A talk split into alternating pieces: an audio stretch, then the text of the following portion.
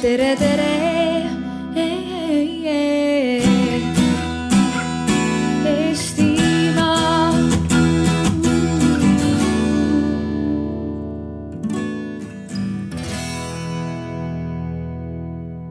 Aga ma tahaks sellest fail imisest nagu rääkida korra nagu teistpidi, et äh, vaatame korra seda asja nagu mitte investori vaatenurgast, vaid vaatame seda nii-öelda selle fail'i ja ehk siis. oota, ma, ma tahtsin sinuga, ma tahtsin viimase küsimuse veel küsida invest- Jah., sinu kui investori käest. sa mõtlesid, et aga, et kui sa paned kuhugi raha, onju, ja see ettevõtmine läheb aia taha, siis teised investorid tulevad naerma su üle.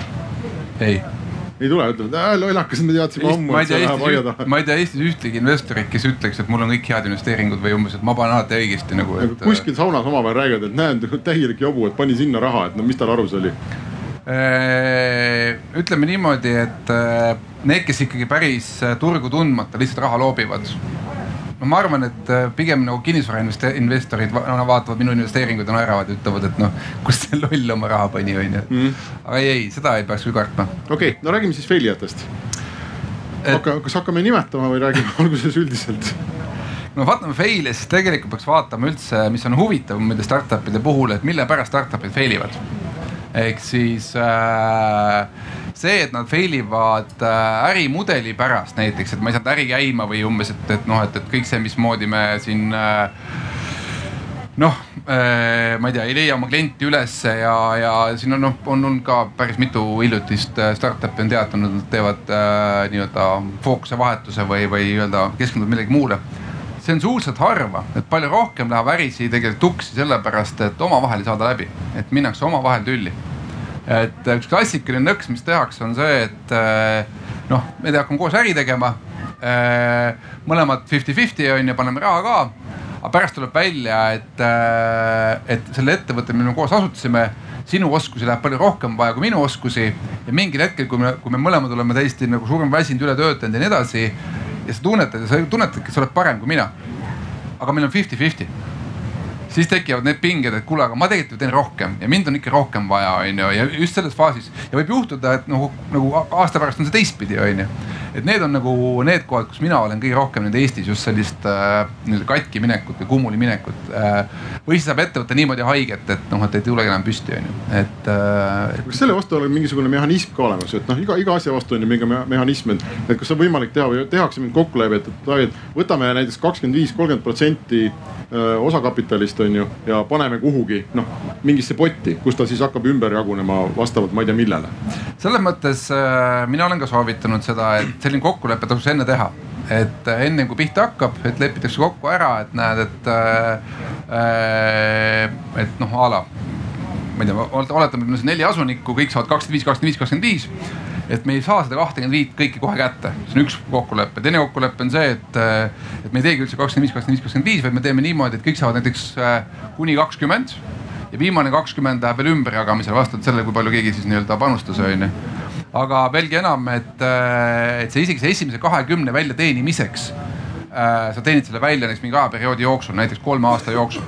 et sa ei saa mitte esimesel päeval kõik kohe kätte, vaid ongi nii, et äh, läheb noh, töötad kolm aastat, siis saad kõik kakskümmend protsenti kätte. kui vahepeal oli põhjust sind valla, valland-, sinu vallandamiseks, siis saad kätte ainult nii palju, kui selleks hetkeks oli kogunenud eks, et, et selles mõttes siuksed, siuksed skeemid ja siuksed kokkulepped ette on ikkagi nagu aidanud, aga aga seda on ju ultra keeruline teha nagu selles mõttes, et, et mille järgi sa siis mõõtma hakkad, et kui kaks tüüpi teevad firmat on ju, ma ei tea, noh, klassikaliselt üks on proge ja teine müüb näiteks et noh, mille järgi sa mõõdad, et, et kus on ühe panus või teine panus, et see võib lihtsalt minna väga emotsionaalseks, ma ei tea, sind ei ole kunagi kontoris või ma ei tea, et mul on tunne, et mina olen kõik teinud või no aga selle põhjal ei saa vaielda ju. see on, see läheb raju inetuks, ma ütlen, et sellest, vot selle asemel, et filmida mingit sihukest istumist, onju. sa võiksid niisuguseid koosolekuid filmida, saad aru, see, see on kinoruudus nagu onju, et noh, et, et, et, et äh, see on hullem kui Mehhiko telenovella noh. aga, aga seal ei ole mingit ratsionaalset alust seda lahendada ikkagi, see on ju lihtsalt tüli, emotsionaalsete, emotsionaalselt üles köetud tüli. tähendab, need kokkulepped saavad olla, et näiteks kui oleme, meil on neli asutajat ja kui kolm ütlevad, et sorry, aga see neljas ei sobi, siis äh, et on ette kokku lepitud, et kui sihuke situatsioon juhtub mm., et siis sa lähed. et noh, ma ei tea, ega Steve Jobsile öeldi ka kunagi ju äh, Apple'is, et äh, ole hea mees nüüd ja mm -hmm. viska varvast onju, või noh, praegu on suur dilemma, et äh, Facebooki juht nagu äh, ikkagi juhtimisest ära kõrvaldada onju, et, et äh, et selles mõttes see, see on suhteliselt nagu klassikaline juhus, et ühel hetkel saab kõ- kõigil nagu siibri kellest, kellestki ja ta lükatakse kõrvale või võetakse optsioonid ära või no ühesõnaga tehakse mingi samm, on ju, et aga noh, vot seal on see üks asi, mis Eestis kipub, nüüd on natuke küpsemaks muutunud, aga ütleme, üks kümme aastat tagasi oli see, et, et noh, kui sa mõtled emotsioonidega, siis on tõesti väga raske kui sa mõtled praktiliselt, noh a la näiteks, et me võime siin kõik tülitseda, kokkuvõttes kõik kaotame, kõik jääme rahast ilma. Sina kaotasid aega, mina kaotasin aega ja nii edasi, onju. et äh, versus see, et me nagu ei äh,, ma astun kõrvale, aga mul jääb ju see osalus, mis ma selleks hetkeks olen välja teeninud, jääb mm -hmm. alles mm. -hmm. ja kui te nüüd edasi ehitate ja kokkuvõttes raha teenite, siis noh, jumala eest, ma saan midagi muud teha, onju. sest üks asi, mis on selle fail imise ja fail imise kiirusega, ma arvan, üks hästi oluline koht, mida inimesed teavita ennast, teavita endale kui vana, kui palju on nii-öelda, kas ma mõtlen aktiivset startup'i eluiga? Noh, aastates või milles mõõdame? tundides või? aastates ma ei tea, ma ei tea, viis kuni kaheksa ma pakun. Need on rohkem, no ütleme nii, et eh, no vaata, meil on kõvemad startup'erid on meil alles kahekümne kahe aastased, kahekümne kolmesed siin, Veriffi juht ja no, Bolti juht te... ja. no ütleme, no viisteist siis maksimaalselt. no ütleme nii, et need, kes kahekümneselt hakkavad eh, väänama, need on neljakümneseks väsinud ja need, kes hakkavad neljakümneselt väänama, need on kuuekümneseks väsinud, eks, et, et. no need ikka väsivad varem, ma arvan äh,. võib-olla jah, ma pole veel kuuskümmend saanud aga ühesõnaga, see ongi paarkümmend aastat ja kui sa nüüd mõtled selle peale, et, äh, et sinu aktiivset sellist nagu nii-öelda nagu, nagu hästi raju tööiga on nagu kakskümmend aastat. siis kui mitu võimalust, ühesõnaga, kui sa kujutad seda ette kui äh, püssi mm, -hmm. siis mitu padrunit sul on, et lasta? et mitu korda saad sa püssi tulistada selle kahekümne aasta jooksul, et mitu tõsist projekti sa jõuad ära teha? Noh, öeldakse niimoodi, et, äh, et selleks, et saada aru, kas näiteks ma ei tea, startup'is saab asi või ei saa, kulub äh, nüüd noh, nihuke noh, neli-viis aastat mm -hmm.. noh, neli-viis aastat, järelikult noh, neli kuni viis padrunit on ju. ehk siis, kui sa mööda paned, noh, ma ütlesin, okei okay,, tegin sinuga startup'i, nii hakkasime kütma, viis aastat läks mööda hulle hunniku inglite raha raiskasime ära, midagi välja ei tulnud. Next, davai, teeme business'i on ju et ühel hetkel selles mõttes sul ei ole, et sa pead nagu hakkama kaalutlema, et, et, et kui, kas, kas noh, ühesõnaga kui suur on mu ajaraam või kaua ma veel saan paugutada siin onju ehk siis. aga ja... kuidas sa hinnastad seda oma mingi soovunelmaga? ei, selles mõttes ongi jah, see, mis sa nagu saavutada tahad ja kui sa näed, et sa ikkagi nagu siin see business jääb tiksuma, siit ikka unicorn'i ei tule ja nii edasi, siis on hästi oluline see, et noh, nii okei okay,, poisid, maha ja uus ja see on hästi levinud äh, Ameerika mõtteviis, ehk siis seal ei panda üldse pahaks seda, et äh, prooviti, põletati tuli midagi, ei tulnud midagi, onju. noh, võtame näiteks Uber põletab jätkuvalt äh, viis miljardit dollarit kvartalis. kahjumit, viis miljardit, no ühesõnaga, noh, see on pool Eesti riigieelarvest. noh, nad panevad kvartalis niimoodi, ühesõnaga aasta peale panevad kaks Eesti riigieelarvet lihtsalt põlema ja Tesla põletab ka, mitte küll nii palju, aga põletab nii, et vähe. lihtsalt nagu noh, saad aru, teeme suure lõkke ja nagu gaasi on ju, et noh, et, et nagu, et, et me ei kujuta seda ette, aga Ameerikas on, see on jälle üks, muide üks naljakas koht, kus Eesti startup'id ja Ameerika omad erinevad. Ameerikas on see, et võta raha, pane kõik põlema, vaata, kas said sooja või kas tuli midagi välja või ei tulnud. ja kui ei tulnud, okei okay,, viskame minema, teeme uue. Eestis on pigem see, et noh, võtsin hunniku raha päris suurt hunnikut ei võta, ma võtsin natuke väiksema hunniku ja noh, ma kulutasin seda väga efektiivselt ja aeglaselt. ühesõnaga, see on sihuke nagu. jätkus pikaks ajaks jah. umbes sihuke ja see on umbes nagu see so,. üks lehm sai häda pärast sooja, aga väga vähe pikka aega sai. jah, et noh, et umbes nagu see Jaapani nende väikeste puude piinamine käib, on ju, et äh, toitained võetakse ära, on ju, noh päris ära ei sure, aga ei kasva ka kuskile, on ju, et noh, et, et äh, et äh, bonsai või mis. see on ka fail jah. jah, et selles mõttes ühesõnaga Äh, õpikud ütlevad, et parem on see Ameerika variant, see, et panid põlema, äh, kõik panid korraga põlema, vaatasid, midagi ei tulnud. et see on parem variant kui see, et noh, et, et äh, otsin, otsin, otsin otsin kainet juhti. aga meil, aga meil on neid äh, elustiili start-, aga ma küsin, kas, kas sina seda nii-öelda elustiili ettevõtteks muutumist hindad fail'iks? See sõltub jälle nagu, mis sellega kaasa tuleb, et noh, ütleme niimoodi, et minul on jällegi nüüd mul oli kunagi äh, suur vaidlus Margus Uudamiga äh,, legendaarne Eesti äh, investor, õigemini siis nii-öelda fondijuht. ma vaatasin ringi, äkki ta on siin. ei, ta võiks olla siin, kui ta oleks siin, ma kutsuks ta kohe rääkima. legendaarne fondijuht ja mina küsisin ta käest, et kuule, et näed, et meil on siin mitu tublit Eesti ettevõtet, kellel on väga tugev potentsiaal kasvada noh sihukese saja miljoni euro väärtusega ettevõtteks. meil on Eestis äh, selliseid startup'e, oleme siin kalkuleerinud, alla kümne on Eestis umbes praegu. selliseid firmasid üldse ka teistes valdkondades ei ole nii hirmus. ja, aga ütleme noh, ütleme startup'i valdkonna sada miljonit, suhteliselt väike sihuke business ja need on päris mitu tublit Eesti asja, et miks sa, Margus, miks sa ei investeeri siis ta võttis mingid mega Excelid lahti, kus ta näitas, et näed, et kui sa oled korraga nagu äh, äh, fondi investor, sul on vaja korraga ära investeerida selle, ma ei tea, kakssada miljonit eurot on ju. et siis selleks, et oma äh, nii-öelda investorite normaalset tootlust teha, siis sellest kahesajast miljonist peaks saama kaks miljardit mm. -hmm ja kaks miljardit saja milliste või viiekümne tuhande, viiekümne milliste ettevõtetega no,, ei ole palju hästi, asju peab minema nagu hästi. vähemalt kakskümmend, vähemalt kakskümmend saja millist peab minema hästi et palju lihtsam on teha niimoodi, et neli viiesaja millist läheb hästi, kui et kakskümmend saja millist või üks kahemiljardine. noh, meil on Eestis olemas, meil on kahe miljardi väärtusega on meil Transferwise ja varsti on ka Bolt selle koha peal on ju, et noh, et, et äh, ja siin järjest tuleb neid sabas, sabas veel on ju. et palju lihtsam on keskenduda mingile paarile, kes on nagu tõelised pärlid versus see, et sa investeerid nendesse saadavatesse ehk siis Marguse vaatenurgast kui ettevõte nüüd lõpetaski, noh, meil oli siin hea näide oli, meil oli Zero Turnaround näiteks, kus, mis kasvas kunagi üldse minu enda ettevõttest välja. et Zero Turnaround, noh, ei tulnud miljardit kakskümmend kaheksa vist oli see summa või? see. Äripäev kirjutas. jah, las kirjutas, et ma jään ikkagi enda juurde, et see on natuke suurem see number. aga see ei olnud ka kakssada kaheksakümmend? ei, see on kakssada kaheksakümmend, aga ütleme niimoodi, et kui me omal ajal panime nagu ma ei tea, kakssada tuhat krooni sisse, onju. krooni. krooni jah, ja võtad viiskümmend miljonit eurot välja, siis noh ühesõnaga see summa, mida sa öelda ei tahtnud, see oli viiskümmend milli või? no ma ütlesin puusalt mingi suvalise numbri praegu, aga noh ühesõnaga, et, et, et ühesõnaga see sõltub sellest vaatenurgast või millal sa investeerisid. ei nagu oota, aga see ei ole nagu selles mõttes, see ikkagi lõpetas äh, noh, mitte nagu unicorn startup'ina, eks ole, see Zero, vaid ta lõpetas ikkagi korraliku startup'ina. oli kasv nagu väärtuse kasv oli meeletu, äh, müüdi maha. no ütleme aga, niimoodi, et paarkümmend, paarkümmend inimest sai miljonäriks. noh no, aga, aga, aga on, ei olnud äh, Uber. ja, aga no. meil on Eestis ikkagi, Eestis kindlasti on terve hulk selliseid startup'e, kus, äh, kus sa näed, et noh, et see skaleerumine, hokikepp, kõik see jääb ära et, et ta muutubki selliseks normaalseks noh, praktiliselt nagu pereettevõtteks või, või teenusettevõtteks, mis pakub tööd võib-olla mõnekümnele inimesele. tal on mingi kasumimarginaal, äri on jumala korralik, kõik on väga hästi, eks ole, aga et noh, ei ole seda, on ju, mis sa ütlesid, et ma panen nii vähe sisse, nii palju võtan välja. et kas see on fail või ei ole? tähendab, vastus oligi, venture capital'i jaoks on kindlalt fail nemad raiskasid aega sinuga mm, -hmm. isegi nad saavad oma raha tagasi, ma, ma ei tea, panin viis milli sisse, sain kuus milli tagasi, noh jumala eest, said ühe milli rohkem, onju, ole õnnelik, onju. ei, fail, sest ma raiskasin aega sinu peale ja ma raiskasin, no ühesõnaga ma kulutasin energiat sinu peale mm -hmm. mõttetult, onju. et kindlasti fail, et äh, aga kui sa oled nagu, ma ei tea, angel investor onju, panid kakssada tuhat sisse onju, viie aastaga said miljoni tagasi onju, et noh nagu see fail siin oli, noh, et, et täitsa okei okay, onju.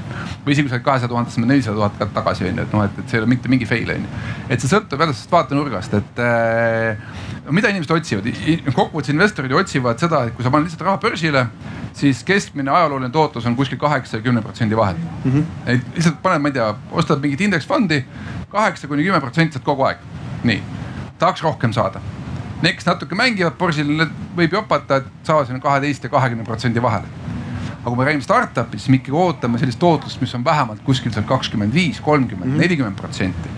protsenti või korda?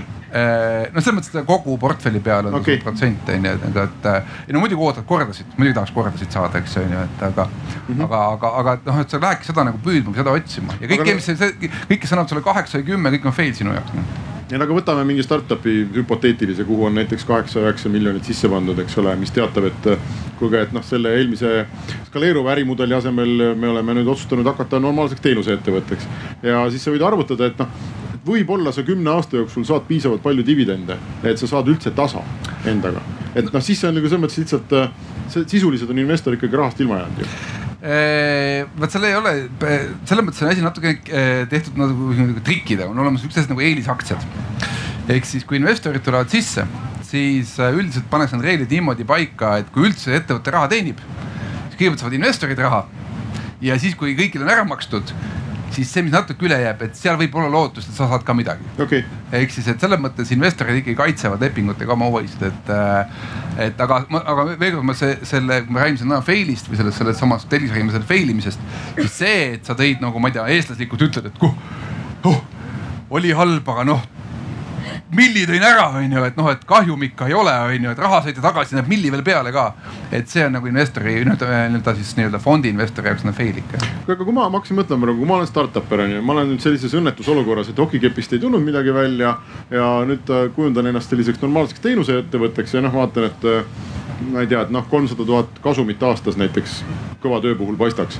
ja mul on, et istuvad mingid, mingid tüübid istuvad, investorid istuvad sees. ma olen neile põhimõtteliselt üheksa milli võlgu mm -hmm. ja ma tean, et kolmsada tuhat, noh, mul läheb väga mitu aastat, on ju. enne kui nad üldse raha tagasi saavad, ma tahaks välja saada ikka mm -hmm. väga mhm. kähku sellest pullist. ma küll ei tahaks seda mitte mingil juhul edasi teha. aga see ongi niimoodi. aga mis et, siis saab? aga ma mõtlengi, et see on kokkuvõttes, see kõlab egoistlikult ja jällegi see ei ole meie kultuuriruumis eriti vastuvõetav äh, ühiskondlikult, aga no nüüd iga aasta läheb järjest natuke paremaks, aga, aga sa pead ikka mõtlema enda peale ehk siis noh äh,, eestlased muidugi kannatavad kõik ära, onju ja piinlevad, onju, et äh,, et äh,. ega kuidas sa puhtjuriidiliselt sealt välja saad?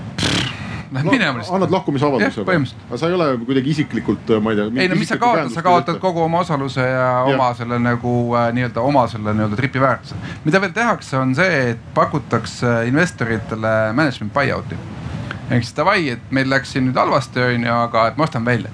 et üheksat milli tagasi ei saa, aga lubame, et äh, teeme kõvasti tööd ja võtame teie käest laenu ja et näed, üheksast kolm maksame tagasi mm et äh, sest noh, mis on alternatiiv, et äh, sa lähed minema ja venture capital'i, Margus Uudan tuleb ise su ettevõtte juhtima või? no ei tule. võib-olla ta leiab kedagi, palkab sind. ei, ei kusjuures on oma, neid variante on ka tehtud Eestis, on olemas neid variante, kus äh, juhid on läinud väga ülbeks. Öelnud, et noh kui me ei saa oma tingimusi, siis me läheme minema. ja siis investor ütleb, et no aga siis mine.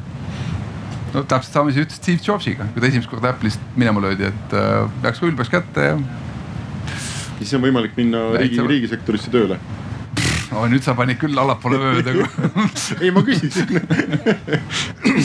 et äh, ei jah, selles mõttes jah riigisektorisse tööle okei, aga me võiks proovida nimetada siis, kas, kas meil on Eestis mingeid selliseid nagu laialt teada, üldiselt aktsepteeritud fail inud startup'e?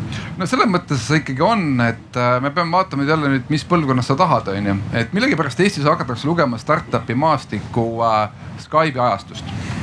Uh,. kuigi terve plejaad ettevõtteid oli enne Skype'i, et kes mäletab näiteks, me oleme Telia telgis, Reit.ee mäletate jah? oota, aga ta see... sai ju, müüs maha väga kalli hinna eest. ei no ongi, aga nüüd kokkuvõttes, kas ta oli nagu success startup või kuidas läheb Reidil? Telia, teie oma ju? ei lähe või? aa, tulid asemele mingi. oota, aga tegelikult me jõudsime väga huvitava kohani, et mõttes, et mis hetkel kelle jaoks on fail, ah? et äh, Andrei sai raha kätte, kas no. see on üldse siis fail või? Et ütleme, et kui pensioni, kui, kui, kui mingi startup X läheb USA-s näiteks börsile või ma ei tea, pensionifond ostab ennast suuresti sisse. ma pean omavahel ütlema, et Eesti ühiskonnal oleks palju parem olnud, kui oleks äh, Andrei tegutsenud startup'iga edasi ja vähem poliitikaga, aga ütleme aga ei, Andrei startup'i vaatenurgast läks kindlasti hästi, sellepärast et ta tegi ju exit'i, ta müüs maha selle kas tollel hetkel oli kas kolmekümne miljoni krooniga või? ei, rohkem oli, nelikümmend midagi oli seal. oli või mm.? võib-olla keegi mäletab, siin on aga ma just mõtlen, et. minu meelest oli nelikümmend kaks. aga, aga, aga mõtlen, see on üks hästi hea näide, et see oli ju töötav keskkond ja see oli nagu ikkagi hull möll käis seal ja, ja, ja selles mõttes sai selle eest nelikümmend miljonit krooni kui sa täna hakkad tegema mingeid investeeringuid, siis äh, vähegi tegu startup, kes tuleb sulle uksest sisse, ütleb, et kuule, investor, et, äh, et anna raha. ma siis hiljuti ise tegin äh, ühe investeeringu. ideed ei ole, tähendab idee on toodet ei ole, eh, klienti veel ei tea, turgu veel täpselt ei tea, aga meeskond on kõva ja valuation kaheksa milli eurot. ehk siis noh, kroonis on see jumala juba sada kakskümmend miljonit krooni. ja ümberringi olid kõik investorid, pane suu kinni, võtame raha ja vaene Andrei tegi nagu aastaid tööd ja müüs mingi näkase nagu, paari nagu milliga müüs siin. ei, aga see oli ka ammu ikkagi, see oli kakskümmend aastat ammu, ega. Viisteist aastat tagasi. no ega no see inflatsioon nüüd niimoodi ka ei käi päris on ju, et noh. ei no jaa, aga lihtsalt eks vahepeal on kõik edasi olnud. lihtsalt nagu see, et. see nagu... tol hetkel oli ikkagi väga suur summa. ei, aga see on üks asi, mis on, tundub, et on meil rikutud, et mis hakkab Soomes natuke korda minema. et me oleme jõudnud sinna faasi, kus Soome oli äh, kaks tuhat kümme, kaks tuhat üksteist, no hiljem kaks tuhat kaksteist. Soomes oli see mure, et äh, lihtsam oli minna investoritelt või riigilt raha küsima, kui et minna klienti otsima. et äh, raha oli turul nii palju, kõik andsid et äh, jumala eest, et noh, milleks minna sinna Ameerika turule, hakata mingit klienti otsima noh. mm.. jah, mõtted. nii, aga sul oli mingi muu küsimus? Jah, kes nüüd teab, ma hakkasin mõtlema nende, nende fail'ide peale, et, et mis hetkel see on siis nagu fail. et kui Andrei müüb reidi maha, saab nelikümmend miljonit krooni, me võime täna vaielda, kas see on suur või väike summa. tol hetkel see kindlasti oli väga suur summa ja ma arvan, et noh, Andreil on õnnestunud väga hästi elada selle raha eest, eks, see ei olnud fail. müüdi maha ja ta ei olnud ju mingi rahvusvaheline äri tegelikult, ta oli noh, ta oli natuke rahvusvaheline, et kas see on siis fail, kui tuleb Telia-sugune suur firma, ostab ennast sisse ja siis saab aru, et ups ei olnudki äri, noh et võõras raha ju. Ma arvan, et see fail, selliseid fail'e, mis on nagu võtnud investorite raha ja läbi kukkunud, neid meil on neid näiteid tegelikult Eestis palju. üks kuulsamaid, üks esimesi tegelikult, mis oli suurema pauguga, oli United Cats and Dogs. seda tuuakse alati nagu. täpselt, aga seda tuuakse sellepärast, see oli esimene, kus no tõesti siis inimesed pidid nagu noh valusalt raha sisse panduna pidid selle maha kandma ja, ja ma arvan, üks investorist vist oli Raivo Hein ja Raivo Hein elab alati väga palju noh, väga valusalt üle, kui ta raha kaotab. ehk siis äh,. erinevalt kõigist teistest inimestest, kes raha kaotavad, no ma ei usu.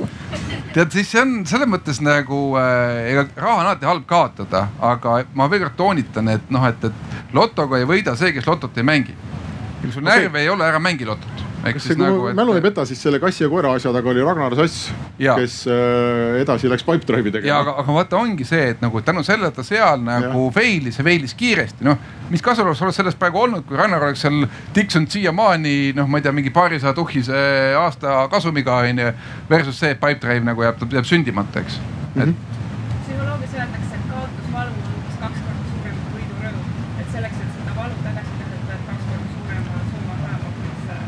see on muidu jumala õige, mina ise olen püüdnud veel sinna juurde sellist filosoofiat, mitte ainult nagu kaotusolust, vaid on äh, iga halva uudise kohta läheb vähemalt viis head uudist vaja kui sa teed näiteks organisatsiooni juhid, suurt organisatsiooni juhid, selleks, et tekitada organisatsioonil mingi positiivne meeleolu või, või positsioon. sul on vaja niimoodi, et kui tuleb mingi halb uudis, no ma ei tea, kaotasid mingi lepingu või kliendi või no ühesõnaga mingi jura juhtus, on ju. et siis sinna juurde on vaja viit head uudist selleks, et nagu läheks jälle tagasi nagu normaalseks, aga see nüüd me läksime teemast kõrvale. aga ühesõnaga ma tahtsin selle võidu ja kaotuse kohta öelda seda, et tänu sellele, et United Cats and Dogs kaotas, nad liikusid edasi mm, -hmm. on väga paljude teiste investorite võit ja kokkuvõttes ka nende enda võit, sest nagu ma ütlengi, nende elu on ju kokku kokkuvõttes nagu lühike. see ongi see neli-viis padrunit, mida sa tulistad. meil on siin Eestis päris kuulsaid äh, startup ereid, kes ongi eluaegsed startup erid.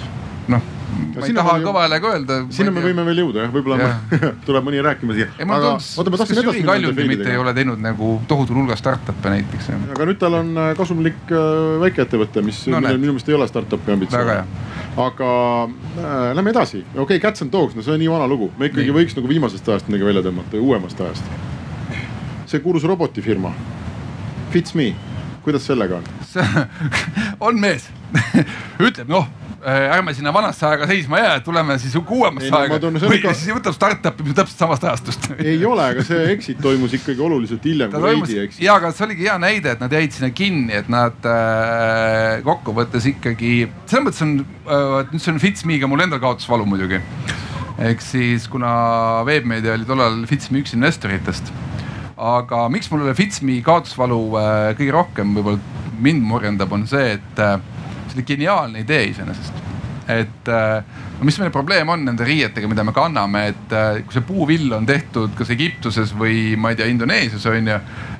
samasugune särk, ühel juhul on Egiptuse puuvill, teisel juhul on Indoneesia puuvill, sama inimene, sama keha ja täiesti erinevalt istub ja ainuke viis nagu aru saada, et mismoodi konkreetne särk mul istuks, on see, kui robot võtab sinu kehakuju et kui võtab sinu kehakuju ja näitab sulle, et näed, et see konkreetne särk mm -hmm. niimoodi istub, et noh, et, et siis on õige. ja seda probleemi ei ole suutnud maailmas mitte keegi lahendada, jätkuvalt. ja, ja see, et eestlased, Eesti teadlased ja, ja Eesti ära, ärimehed seda nagu tegid juba kolmteist, neliteist aastat tagasi on ju, kõva sõna. aga nad jäidki sinna kinni, ehk siis nad tegelikult võtsid raha juurde peale kogu aeg on ju ja nad ei suutnud sellest midagi asjalikku nagu lõpuks nagu välja joonistada. ja see, ma arvan, et niisuguseid fail'e noh võtke suvalised startup'id meil siin nagu listis või võtke meie startup'i top'id, mis me iga aasta teeme, on ju, vaadake neid startup'e, mis on jäänud tiksuma mingi käibe juures. Äh, üks näitaja on, äh, mis on hästi levinud näitaja, mida startup'id kasutavad, MRR, teab kõik. Monthly recurring revenue, ühesõnaga see on see käive, mis iga kuu peaks sulle sisse tulema kogu aeg. ja see on niimoodi, et see on, äh, loogika on selline, et kui sa pihta hakkad siis see, et su tootel on üldse mingi väärtus, tähendab seda, et sa suudad seda toodet müüa igas kuus vähemalt saja tuhande eh, dollari eest. see on üks maagiline piir et kui sa müüd saja tuhande eest iga kuu midagi ja, ja samas ka e-pood kasvab, siis hakkab, siis hakkab see kedagi väga-väga huvitama, väga mm -hmm. nagu suuri fonde hakkab huvitama ja nüüd on hästi palju Eestis niisuguseid startup'e, kes siis tiksuvad seal kuskil seal neljakümne ja kaheksakümne vahel.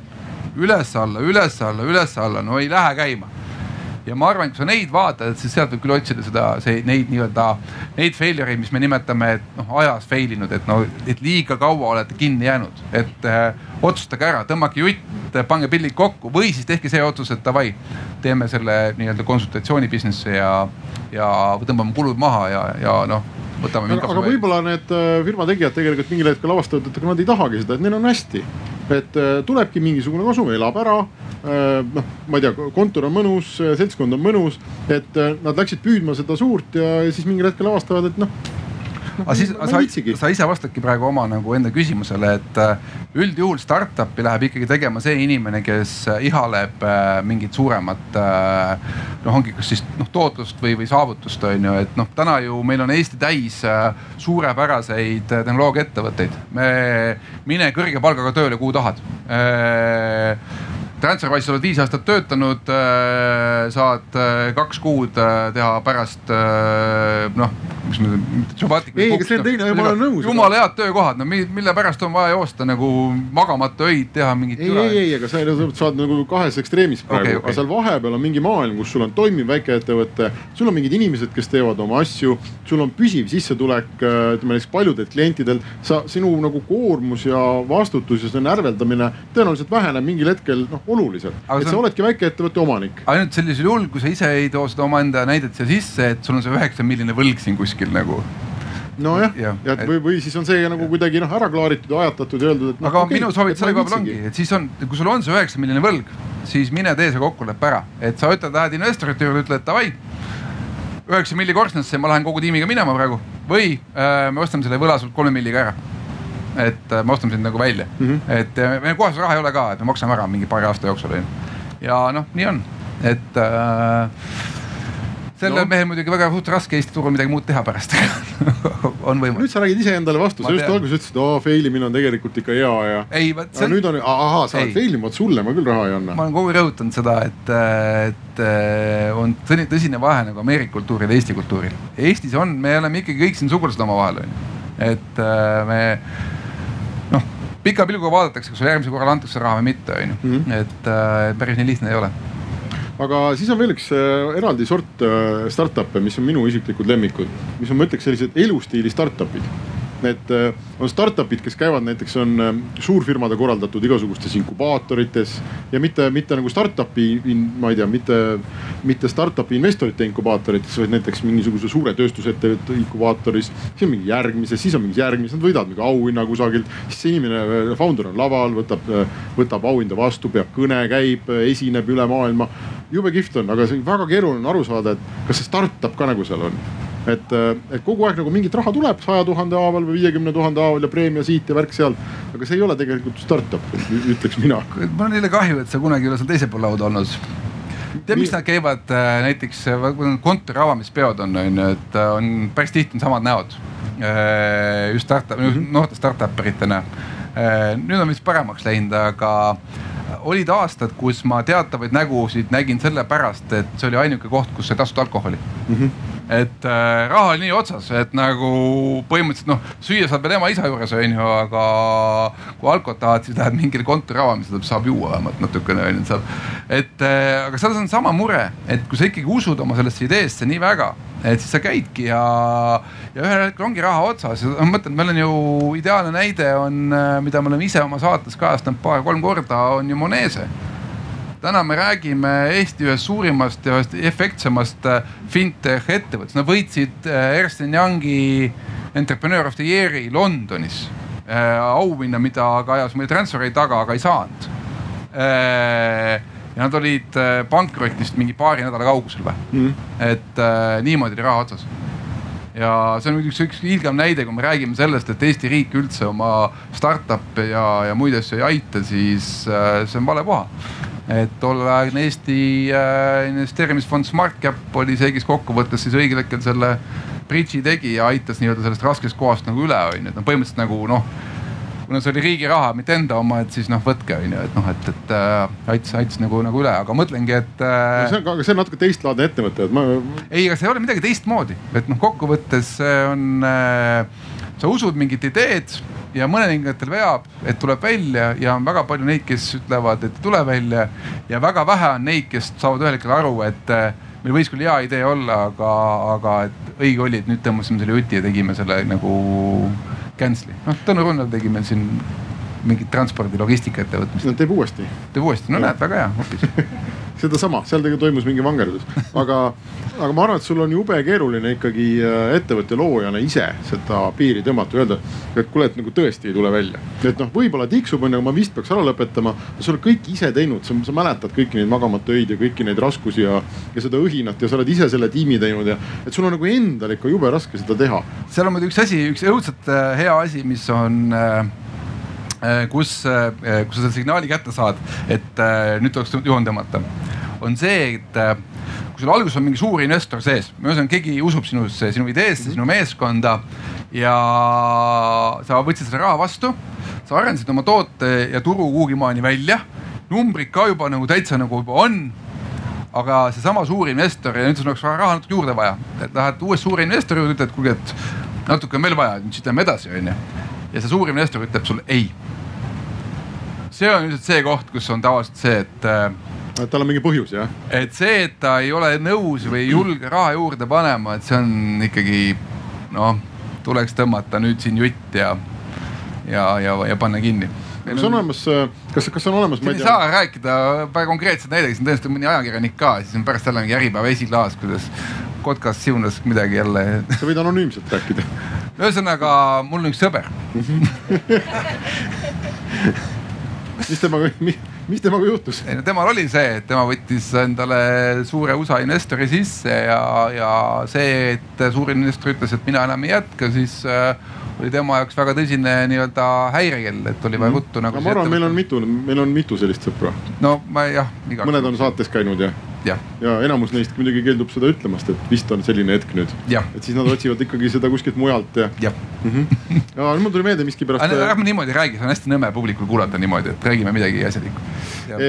ma võin veel nimesid välja visata siia, mis on väga, ütleme startup'id, mis on veidras seisus, aga miskipärast ei lõpeta ära, nagu näiteks Fleep. jah, good point äh, see on ehe näide tehnoloogia startup'ist, kus äh, founder ise on tehnoloogia põhiautor ja usub nagu tehnoloogiasse. ja see ongi nagu üks, üks, üks lahe näide sellest, kuidas mõnikord õnn naeratab ja mõnikord õnn ei naerata. et kui sa võtad Skype'i näite ka, onju, Skype ei olnud esimene IP-telefon, ei olnud esimene mm. -hmm. niisuguseid Skype'i sugusid oli terve maailm täis. aga just näed nii-öelda meie omal, me, me, me armastame öelda, et meie oma, kuigi millegipärast, kui sa vaatad Stockholmi, siis Stockholm ütleb, et Skype on nende oma ja. no taanlased ütlevad, et see on nende oma ja, ja Luksemburg väidab, et see on nende oma. jah ja., kuna maksud läksid Luksemburgis, mis juttu teate nagu mm, -hmm. et uh, corporate Luksemburgis on et, äh, et, et selles mõttes see õnn või see vedamine ja, ja mis hetkel sul ikka kokkuvõttes naeratab, mis hetkel sa saad sealt paisu tagant lahti on ju, et äh, see on ikkagi, see on. ei no selles mõttes, kui sa ikkagi kõik töötajad ära koondad, siis sa ei saa enam sealt paisu tagant lahti jah see ei ole nagu erilist šanssi vist. ja, aga ma mõtlen, see noh, see pais on see kogu see maailm on selles mõttes ka ikkagi keeruline, et noh, ma ütlen, ma olen näinud ka neid ettevõtteid, kes lähevad Ameerika turule kes müüvad, ostjad ostavad, panevad riiulisse mm. -hmm. aga kuna nagu ikkagi osteti ära piisaval hulgal, siis noh, said oma ettevõttest lahti kõige ajal õige hinnaga onju siis äh, no,. ma ei tea, meil oli, oli väga hea näide oli meil ju Vital Fields, üks hiljutine asi on ju, väga edukas startup exit Eesti kohta kas te Vital Fields on täna üldse elus, kas see tarkvara üldse on elus? ei, minu meelest Monsanto ostis ära, pani kinni. ei, pani kinni ära, no jah. Ühesõnaga, et, et, et sa teed oma elutöö valmis, müüd selle kalli raha ära eest ära selleks, et keegi teine saaks seda kinni panna, noh et, et noh, et selles mõttes Fliibil on see teine probleem, et omanik nii armastab tehnoloogiat nagu siis äh, täitsa väga viimasest ajast mul tuli meelde, Subotica oli pressiteade, mis minu meelest tuli kas äkki sel nädalal lausa või. see oli täitsa, oli huvitav, et võib, võib-olla kõik ei tea, et ma räägin ära, et, äh, et alguses oli üks äriidee ja siis Karoli Indreks kirjutas äh, pika blogipostituse ja pressiteate vist ka, kui ma õigesti mäletan, kas blogipostitus oli kindlasti.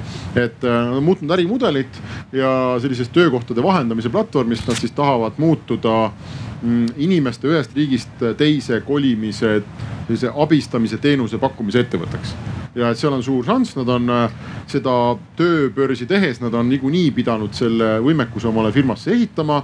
Nad näevad, et, äh, et seal on kõvasti turgu, et ettevõtetel on väga suur vajadus selle järgi, sest bürokraatiat on palju ja nii edasi.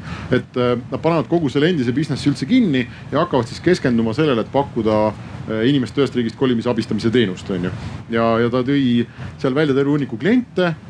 väga, seal olid peamiselt suured Eesti startup'id nagu just Transferwise ja Pipedrive ja ja ma ei tea, Veriff ja, ja kes veel, eks ole. ja me teame, et need firmad palkavad teinekord ju sadade inimeste kaupa korraga töötajaid mm. -hmm ja paljud neist tulevad välismaalt ja ma täitsa usun, et seal ongi ju business olemas ja, ja küllap nad oskavad seal Jobaticalis arvutada ja see kõik on mõistlik, on ju.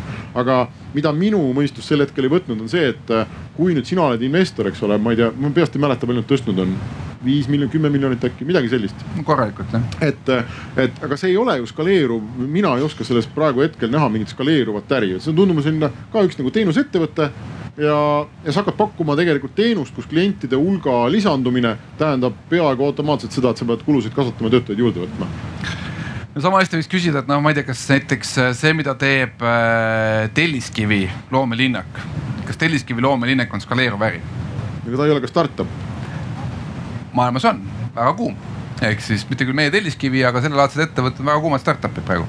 ehk siis nagu kõik ühised äh, nii-öelda töökeskkonnad, kus sa koos töötad ja nii edasi on ju, et nende avamine, nende frantsiisimine, kuidas sa üldse neid kokku paned, et see on, see on väga levinud. ma ei Karolit siin ei ole või, saaks Karoli käest otse küsida? ei, see oleks põnev, ma ei ole ka. ei ole, aga, aga ühesõnaga mina olen väga rahul, et ta selle muudatuse tegi, sellepärast et, äh, et ikka elu on näidanud, et äh, kui sul on see sinu ärimudel või sinu business on nagu keeruline hoomata, siis ta ei lenda.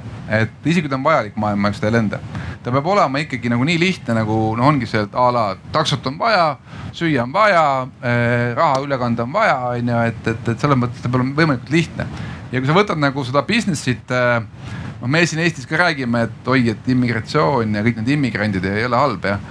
et kui sa võtad ühe näiteks IT-ettevõtjesse tuleva inseneri, kes saab palka noh, umbes neli tuhat eurot kätte. neli tuhat eurot kätte tähendab seda, et ettevõtte kulu on siis äh, põhimõtteliselt korda kaks, maksud pluss äh, overhead ehk siis noh, mingi töökoht, äh, arvuti ja nii edasi. noh, kaks on isegi vähe, aga ütleme lihtsuviselt korda kaks, ehk siis kaheksa tuhat eurot ühe inimese kohta ta maksab nüüd nii-öelda oma eelarvest välja. iga kuu. iga kuu ehk siis üheksakümmend kuus tuhat aastas on ju ja kui see inimene ikkagi elab Eestis siis, siis kaheksakümmend protsenti sellest rahast ta kulutab siin Eestis. noh, kõik me üürime korterid, kõik me ostame süüa, noh, käime kinos, et kokkuvõttes raha kulub, kaheksakümmend protsenti rahast kulub siin. Ehk siis, mis nüüd toimus? Tänu sellele, et me aitasime ühe inimese välismaalt siia, keda meie ettevõte vajas, äh, tõi muuhulgas meie riigile juurde noh, nii-öelda käibe mõttes nagu üheksakümmend kuus tuhat on ju, üks inimene kümme inimest, üheksa, üheksasada, üheksakümmend kuus, üheksasada kuuskümmend tuhat juba on ju. sada inimest juba peaaegu et äh, kümme miljonit ja tuhat inimest juba sada miljonit on ju. sada miljonit, tuhat inimest. no tuhat inimest, me kõik oleme vist nõus, et see ei äh,, meie rahvusriiki nüüd paigast ära ei löö, on ju aga sada milli iga aasta juurde tähendaks põhimõtteliselt me võiksime politseinike palgad kahekordistada. et äh, noh, pole halb on ju ja nüüd, kui Karoli-sugune ettevõte ütleb sulle, et kuule, aga Eesti riik, et äh, sellest sajast tuhandest, et äh, maksa viis milli mulle. ja ma aitan sul need tuhat siia nii-öelda lasteaiakohad, sööbimised, noh, kõik asjad korraldan siin ära, onju. Pole halb äri ju et kui sa niimoodi noh peast. aga noh, see on ikkagi väga kaugel on äh, sellest nagu skaleeruvast hokikepist, kus sa viiskümmend korda oma raha tagasi saad, see ei ole, see ei ole enam see asi. pusa toob ikkagi aastas endale nagu äh, noh kümneid tuhandeid sisse, on ju, et selles mõttes, kui sa vaatad kogu maailma riiki, vaatad seda loogikat, kui sa selle nii-öelda probleemi ära lahendad, siis see potentsiaali on. aga ta jah, ei ole see, et ma võtan nüüd, ma ei tea, igalt Apple'i äh, mm -hmm. äpi download imise pealt mm -hmm. võtan kakskümmend viis protsenti jah, et, et ta nii lihtne ei ole jah üks huvitav äh, kategooria minu meelest äh, startup'e, me oleme nagu päris palju rääkinud sellistest, mis ei ole veel väga suureks kasvanud, on ju. et no ei ole veel ka väga väiksed ettevõtted, et mina ja mu koer alustasime mõttega, aga ei ole veel ka seal ütleme Bolti ja noh, seal kategoorias on ju. aga tegelikult, kas pole või mis sina arvad, Bolt võib ka veel fail ida ju. see ei ole ju kuskile kirjutatud, et, et kui me Anti, sa ütlesid täna, et jõuab varsti kahe miljardini. et, et siis ta teebki oma kaks miljardit ära ja kõik see raha voolab Eestisse, kõik inimesed on õnnelikud seal on üks nüanss, ehk siis äh, Uberil täna näiteks on, ma arvan, isegi suurem tõenäosus fail ida kui Boltil äh,. kuigi Uberil on nagu oluliselt suurem turuosa ja käibemahud ja nii edasi. ühesõnaga startup'ide mõte on ju vot see, et sa võtad selle investorite raha sisse mis sa teenid, sa võtadki selle sisse, siis sa kogu aeg teed oma teenust paremaks ja võtad mm -hmm. uusi turge ja vallutad ja nii edasi. aga sa võid igal hetkel teha nagu selle joone, et ma tõmban nulli, et ma tõmban kulud maha, et ma, kui te loete lehest, äh, ma ei tea, Microsoft vallandab kümme tuhat töötajat või Bolt vallandab, Bolt ei vallanda, aga ütleme siin äh, Uber vallandas alles hiljuti mõned tuhanded töötajad, Tesla vallandab jälle mingi neli pool tuhat töötajat, on ju. et äh, see ongi see hetk, kus nad nagu korraks tõmbavad nagu noh, nii-öelda püksirihma veits koomale, vaatavad, et kui me nüüd need viis tuhat inimest minema laseme, et kas juhtus midagi või ei juhtunud, on ju, et äkki saame nagu edasi teha, et Bolt täna on ikkagi juba liiga suur, et surra. ehk siis see, et Bolt täitsa nüüd nii-öelda kõhu vastu taevast laseb, on ju. sellest peab juhtuma mingi tõsine, mingi legal error, noh a la näiteks võetakse kõik taksoload ära üle maailma, et noh, see mitte kuskil ei ava enam ühtegi äri näiteks on ju, et noh, siis on küll võimalik, aga noh, kui tõenäoline see on, see on väga väike. ehk siis äh, nad saavad igal juhul oma exit'i, et noh, see exit'i küsimus on, mis exit see on, et a la. täna on nende suur investor Didi, äh, mis on siis nii-öelda Hiina suurim, äh, Hiina, Hiina Uber nii-öelda ja on andnud neile ülesandeks, et äh, hoidke Uber nagu pisi on ju Euroopas.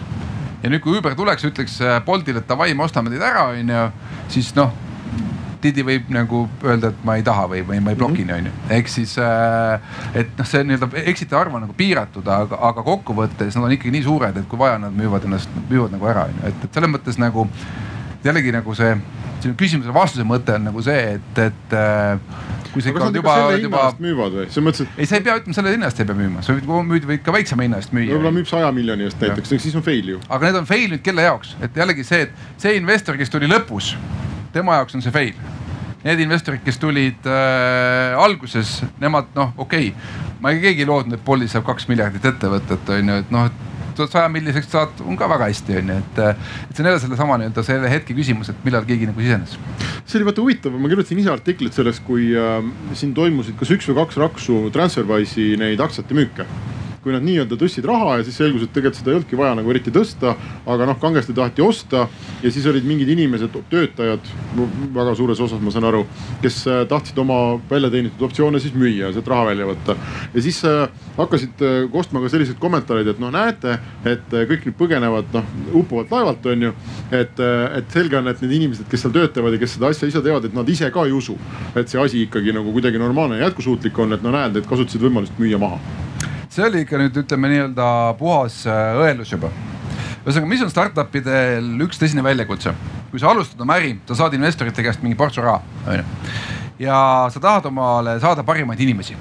aga parimad inimesed, tõesti väga head inimesed küsivad enda eest noh, nii palju raha aga sul ei ole nii palju raha, sa tahad siin startup'i ehitada ja sul on seda raha võib-olla nii palju mm. -hmm. Ja mis sa siis teed, on see, et sa ütled talle, et kuule, et ma annan sulle nagu väikse osa palka. no ma ei tea, et inimene on väärt näiteks, ma ei tea, kaheksa tuhande eurost palka, ma maksan sulle kaks tuhat. aga selle ülejäänud kaheksa tuhande kompenseerimiseks ma annan sulle optsioone ühesõnaga, kui sa oledki nii hea ja meil koos läheb see asi käima, siis sa kokkuvõttes teenid rohkem -hmm. kui sa muidu oleks palgana saanud mm. -hmm. ja väga suur hulk inimesi otsivadki siukseid lepinguid endale. et äh, no ma ei tea, häda sel Jevgenil oli minna sinna Bolti tehnoloogiajuhiks on ju, et noh, et, et aga nüüd pakuti sihukest varianti. ja, ja nüüd ongi see, et kui ma olen selle optsiooni saanud, siis mingil hetkel sõbrad, ma ju tahaks ikkagi nagu selle nii-öelda saamata jäänud palka nagu kätte saada. aga oota siis ära, kuni see suur exit tuleb lõpuks. ja aga ongi, mistõttu ongi näiteks seda ei tehtagi niimoodi, et a la töötajate tavaliselt ei lubata müüa esimese mingi paari-kolme aasta jooksul. miks? kui inimesed saavad palju raha, siis neil tekivad hobid noh, keegi ostab endale kaatri, keegi ostab, läheb kuhugi mägedesse, ütleme nii, et, et töötajatele raha andmine on üks vale otsus alati, fookus kaob, nagu ei kipu enam tööd tegema. sina vist valimisi ei võida, aga no okei okay. no näed jah, ma ei sobi ikka, teised on ka, ma ei sobi poliitikuks, aga ühesõnaga see eh, aga mingi hetk sa ikka pead lubama, sest muidu need inimesed muutuvad rahutuks, mm. onju, et lubasid küll, aga. kaua ma ootan. kaua ma ootan, onju. ja selge, siin oli noh, selles mõttes see, et Transferwise sellise võimaluse andis töötajatele müüa ja see, et niivõrd paljudel Transferwise töötajatel äh, selline nii-öelda optsioonipoint üldse oli, noh väga suur hulk inimesi sai ju miljonärid, eks ju onju mm. -hmm. et äh, müts maha, väga suur kummardus, et kui me võtame, siin oli mingi soojaenergia vend, kes müüs oma tehase maha ja andis töötajatele viiskümmend tuhat on ju, midagi sihukest on ju, see oli ikkagi kommiraha võrreldes sellega, mida tegelikult tegi Taavet ja Krista on ju.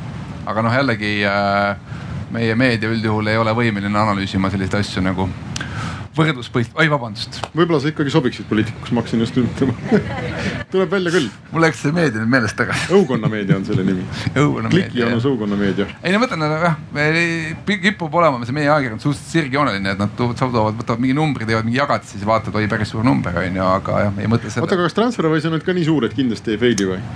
Kindlasti jah, jällegi, et. on äh, jätkusuutlik, ei ole kaardi. ei no mõtleme selle peale, et Transferwise'i käes on, ma panen, panen puusalt seda statistikat, aga, aga silmaga suurusjärk kümme protsenti kogu UK äh, välisraha äh, nii-öelda ülekannetest. UK-st välja ja UK-st sisse, kümme protsenti. ehk siis äh, kui keegi ütleks, et Transfer ütles, okei okay,, me enam ei viitsi siis loogiline on, et sellisele turuosale, kelle keegi osta tahab, noh mõni pank ikka tahaks endale saada neid kliente on ju. et selles mõttes noh võib-olla sa ei müü nagu kolme miljardiga, võib-olla sa ei müü miljardi, viie miljardiga, võib-olla müüd miljardiga. aga kui sul on. sa oled äh, nullist teinud miljard. kui sul on kolmkümmend protsenti miljardist, siis on sul ikka kolmsada miljonit ja kolmsada miljonit oled ikka Eestis kõige rikkam mees, nii et äh, pole paha. olgu no,, ma olen alati mõelnud. meil äh, need külalised lahkuvad juba siin, et, et no, järjest igavamaks läheb nagu. muide, me võiksime saata minu vaata, kuidas see väljas toimub. inimesed ei mahu sisse.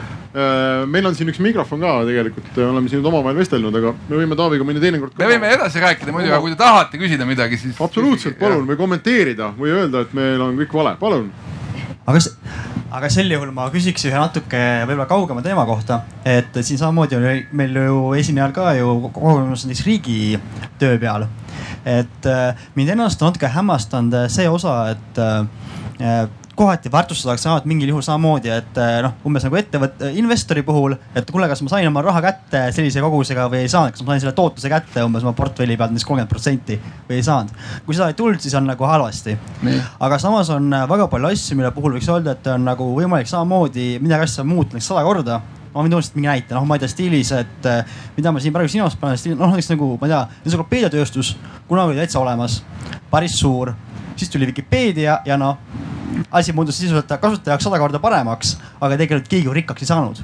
et neid asju on tohutult palju, aga samal ajal mulle jääb nagu mulje, et neid kuidagi ei varustata või nende puhul nagu vaadatakse üle ja samas äh, noh, kas siin oleks ka mingi sihuke koht, millele peaks rohkem võib-olla kasvõi ütleme tehnoloogia mõttes, ajakirjanike mõttes rohkem tähelepanu pöörama, et kas on võimalik saada mingeid siukseid muudatusi, mille puhul jah, tõesti see inimene, kes nii-öelda teeb seda just, elab nagu startup'eri elu ei saa tegelikult rikkaks, aga tegelikult ühiskonna jaoks see samamoodi, et võib-olla ta ei too nii-öelda riigi tulusse täiendavat kümmet miljonit aastas, aga samal ajal tegelikult kaudselt ta võib-olla hoiab riigi kulusid kokku kümme miljonit aastas ma võin sulle ühe asja küll ära öelda, et see, kui sa riigile hoiad mingeid miljoneid või sadu miljoneid kokku. kui sa loodad, selle eest sulle keegi aitäh ütleb, on ju, siis äh, never. et äh, kõik, kes te olete ettevõtjad, te teete kahekümnendal kuupäeval iga kuu teete käibemaksudeklaratsiooni. Äh, võtan vastutuse, olen üks nendest autoritest, kes tegi selle. miks seda vaja oli? Äh, käibemaksupettused olid Eesti riigis üle kolmesaja miljoni euro aastas, räme suured saime selle pettustele piiri panna ainult tänu teile, sellepärast et te hakkasite andma infot selle kohta, kellega te tehinguid teete ja see võimaldas nagu ehitada robotid, et äh, neid äh, nii-öelda petjaid välja otsida. see on kõik tänu teile. sellega Eesti riik on tänaseks säästnud juba üle miljardi euro. keegi on aitäh öelnud. ehk selles mõttes nagu ise oled loll, ära roni sinna riiki ja ära tee noh, et äh, et kokkuvõttes maailm on ikkagi suhteliselt õel, et noh heal juhul saad medali. ma sain, maksuamet andis mulle medali. maksuameti sõbra medal, et, äh, et kunagi. kas sinna alla on väikselt graveeritud miljard ei, ei no selles mõttes kokku see oli meeskonnatöös, ei ole ühe no, inimese no,, see ei ole ühe inimese panus on ju. aga, aga, aga selles mõttes nagu, et äh, et ma ikkagi vaatan neid inimesi, kes seal riigis äh, noh, nii-öelda, kes lähevad riiki selleks, et midagi teha, mitte ainult nagu istuda, on ju, et äh, ega neid on palju, kes on teinud väga suuri asju ja, ja kokkuvõttes ega me neile ju aitäh ei ütle või no ma ei tea. minu meelest on suhteliselt nagu närune see, et meie õpetajate palgad on nagu on, on ju, ja, ja noh. ma küll ütleks, et me ei väärtusta neid, on ju. aga ma ütlen, ma ei tahaks siin poliitikat teha nagu, et ma ei ole poliitik. ma olen äh,, ma olen munitsipaalpoliitik. Viimsi aeg-ajalt sattunud ühe endise peaministri pressikonverentsile, kes alati kutsus ajakirjanikud kokku ja siis ütles, et küsiti loomulikult ka sisepoliitiliste asjade kohta ja siis ta ütles, et no mina ei ole küll nüüd ütleja ja ma ei ole positsioonis, kus ma võiksin siseriikliku asja kohta midagi ütlema, aga ja, ja siis tuli pool tundi nagu kuulipildu eest. nii, anname veel küsimusi edasi. seal on üks täiesti Äh, meil on mingi ülekanne ja vaatajad. peab ikka panema mikrofoni jah. muidu peame üle kordama selle küsimuse. No nii, Tiina Saar olen, uurin tööõnne ja siis mul on ka mingi startup, ma ei nüüd ei tea, kas edukas või mitte, eks näeb. aga küsimus, et äh, kas on ka mingeid uuringuid, et mis need peamised fail'i põhjused on, kas on juhtide oskamatus, turg ei ole veel valmis, pole tegijaid, mis, mis see sisuline on, miks nad lähevad? tähendab selles mõttes äh, ülemaailmset statistikat, äh, mis on peamised failure'i põhjused. Ma veel kord toonitan, et äh, need hästi palju sõltuvad turust. näiteks Jaapanis on hästi tugevad konglomeraadid, kes sõna otseses mõttes ostavad kõik üles, mis võimalik et noh, meie teame Mitsubishit kui ma ei tea autode tootjat on ju, aga tegelikult nad noh toodavad sealihast liftideni on ju, et noh, et, et ja kui sa ikkagi tundud nendele nagu särtsakas tegija, siis nad nagu nii-öelda likvideerivad su ära või no ostavad su üles ära, onju. et see sõltub turust, aga neid uuringuid on hästi palju, et mis need põhjused on. et Eestis need failure'i põhjused on üldjuhul A absoluutselt nõrk meeskond kes isegi nagu noh, vähegi hea idee põhimõtteliselt suutsid tuksi keerata, onju. Äh, Eestis seda probleemi ei ole, et keegi läheb mingi täiesti hullu ideega, hakkab mingit lolli panema, onju. et äh, üldjuhul Eesti inglid ütlevad sulle ära, et noh, et kuule, et nagu, et see on ikka täitsa loll idee, onju, et noh, et. sest meie inglid üldiselt on ise kõik äh, mingist, ühesõnaga Eesti inglid on enamus, kõik saavad oma raha noh, mingi eduka startup'i müügi käigus. et kui sa vaatad meie inglite hulka, siis kõigil on mingi track record kuskil mingis kohas nad said noh läks hästi ja siis on see tunne, et kui ma juba korra lotoga võitsin, siis võiks ju veel võita, onju.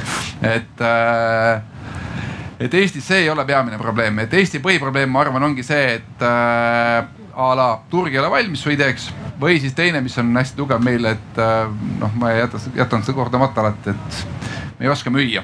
et me ei suuda leida seda meeskonda, kes siis läheb ja paneb selle Ameerika turul nagu, nagu, nagu müügiks. jah, ma olen ise ma, nii palju, kui ma Restardis olen startup'e näinud, siis on jube kihvt on see, et minu jaoks on välja kujunenud selline seaduspära, et, et kui ma saan kohe esimese hooga aru, mida need tüübid teha tahavad ja mulle tundub see lihtne ja loogiline ja mõistlik, siis järelikult see latt on siin et ja, ja need firmad, kelle puhul nad tulevad, mis asi, mis asja sa räägid mulle, kas see on üldse probleem või? või et mis asja sa teed, siis ma saan aru ja, ja noh, nende puhul on siis hakkab see peale, et, et üheksal juhul kümnest noh, et oli mul õigus, aga ühel juhul kümnest eh, siis võib olla, et noh, see latt oli õiges kohas ja oligi väga kõrge ja lihtsalt sul, et see asi, mida nad lahendama lähevad, sul läheb isegi aega, et aru saada, mis see on. et muidu, kui see, kui see latt on siin, siis on maailmas tõenäoliselt kolmsada ettevõtet, kes on proovinud seda viimase kahekümne nelja tunni jooksul teha.